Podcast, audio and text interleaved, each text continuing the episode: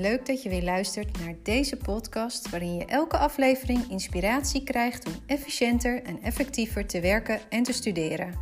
Dit is jouw persoonlijke podcast toolkit vol met handige tools.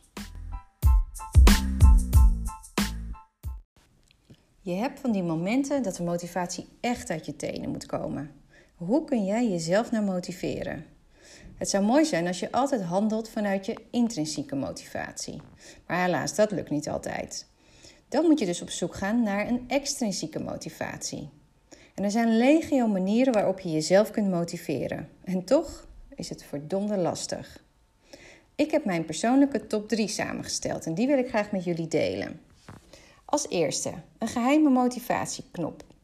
Maak voor jezelf jouw persoonlijke motivatieknop.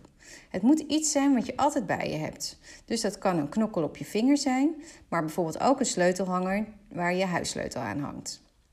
Het maakt dus eigenlijk niet uit als het maar iets is waardoor jij uiteindelijk in beweging komt. Iets wat je dus altijd bij je hebt.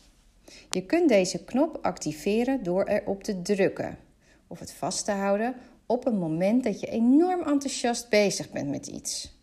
Dat goede gevoel, dat wil je vasthouden en dat doe je dus door het letterlijk tastbaar te maken.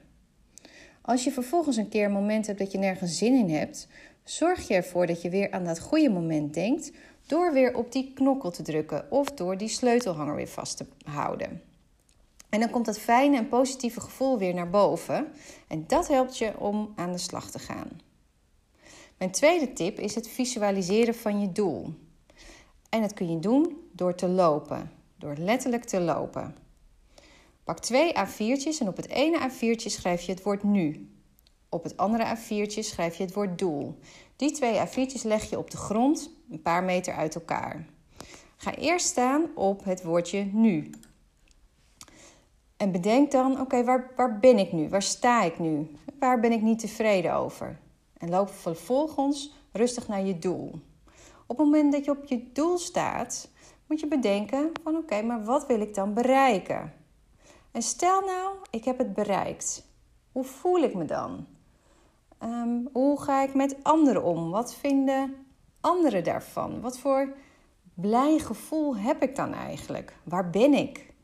Ehm, hoe, hoe, ziet het, hoe ziet mijn omgeving eruit? Het, het moet zo specifiek mogelijk dat je echt het gevoel hebt dat je in dat moment zit. Als dat is gelukt, ga je weer terug naar het uh, bordje of het, het A4'tje nu.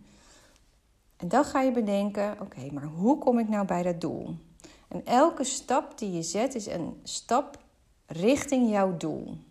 Maar maak het dus concreet. Je zet pas een stap op het moment dat je concreet hebt bedacht wat je gaat doen. Tot het moment dat je weer bij je doel bent. En op het moment dat je bij je doel bent, komt weer het beeld naar boven. Dus wat heb je bereikt? Waar ben je? Hoe voel je je? Hoe ziet je omgeving eruit? En als dat weer helemaal terug in je hoofd is, ga je weer terug naar, je, naar het nu. Vervolgens loop je nog een keer om nog een keer te herhalen. Welke stappen heb ik nou voor mezelf bedacht? En dan merk je dat dat steeds makkelijker gaat en dat je voor jezelf goed hebt bedacht welke stappen er gezet moet worden. En dat maakt het makkelijker om te beginnen. De laatste tip is de succesbox. Hangt ook samen met een, uh, soms samen met faalangst, maar het helpt je in elk geval om te putten uit eerder, eerdere ervaringen.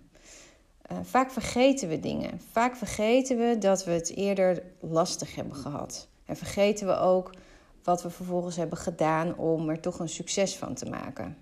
En schrijf die successen dus op en stop ze in een envelop of in een doosje. Maakt niet uit. Maar in elk geval dat je ze bewaart op een plek waar je ze altijd weer terug kan vinden. Zodat als je het weer lastig hebt op een bepaald moment, dat je gewoon die succesverhalen uit het verleden er weer even bij kan halen.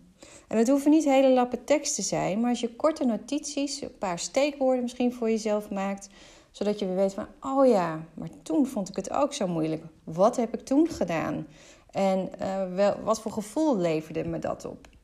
En als je dat weer weet, dan is dat voor jou je motivatie om daadwerkelijk weer te gaan beginnen. Dit waren mijn drie tips om jezelf te motiveren. Zoals ik al zei, er zijn er veel meer.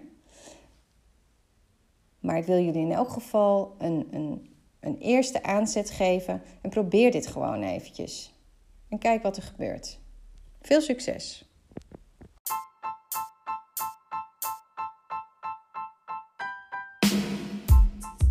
Dit was weer een tool voor jouw persoonlijke podcast toolkit.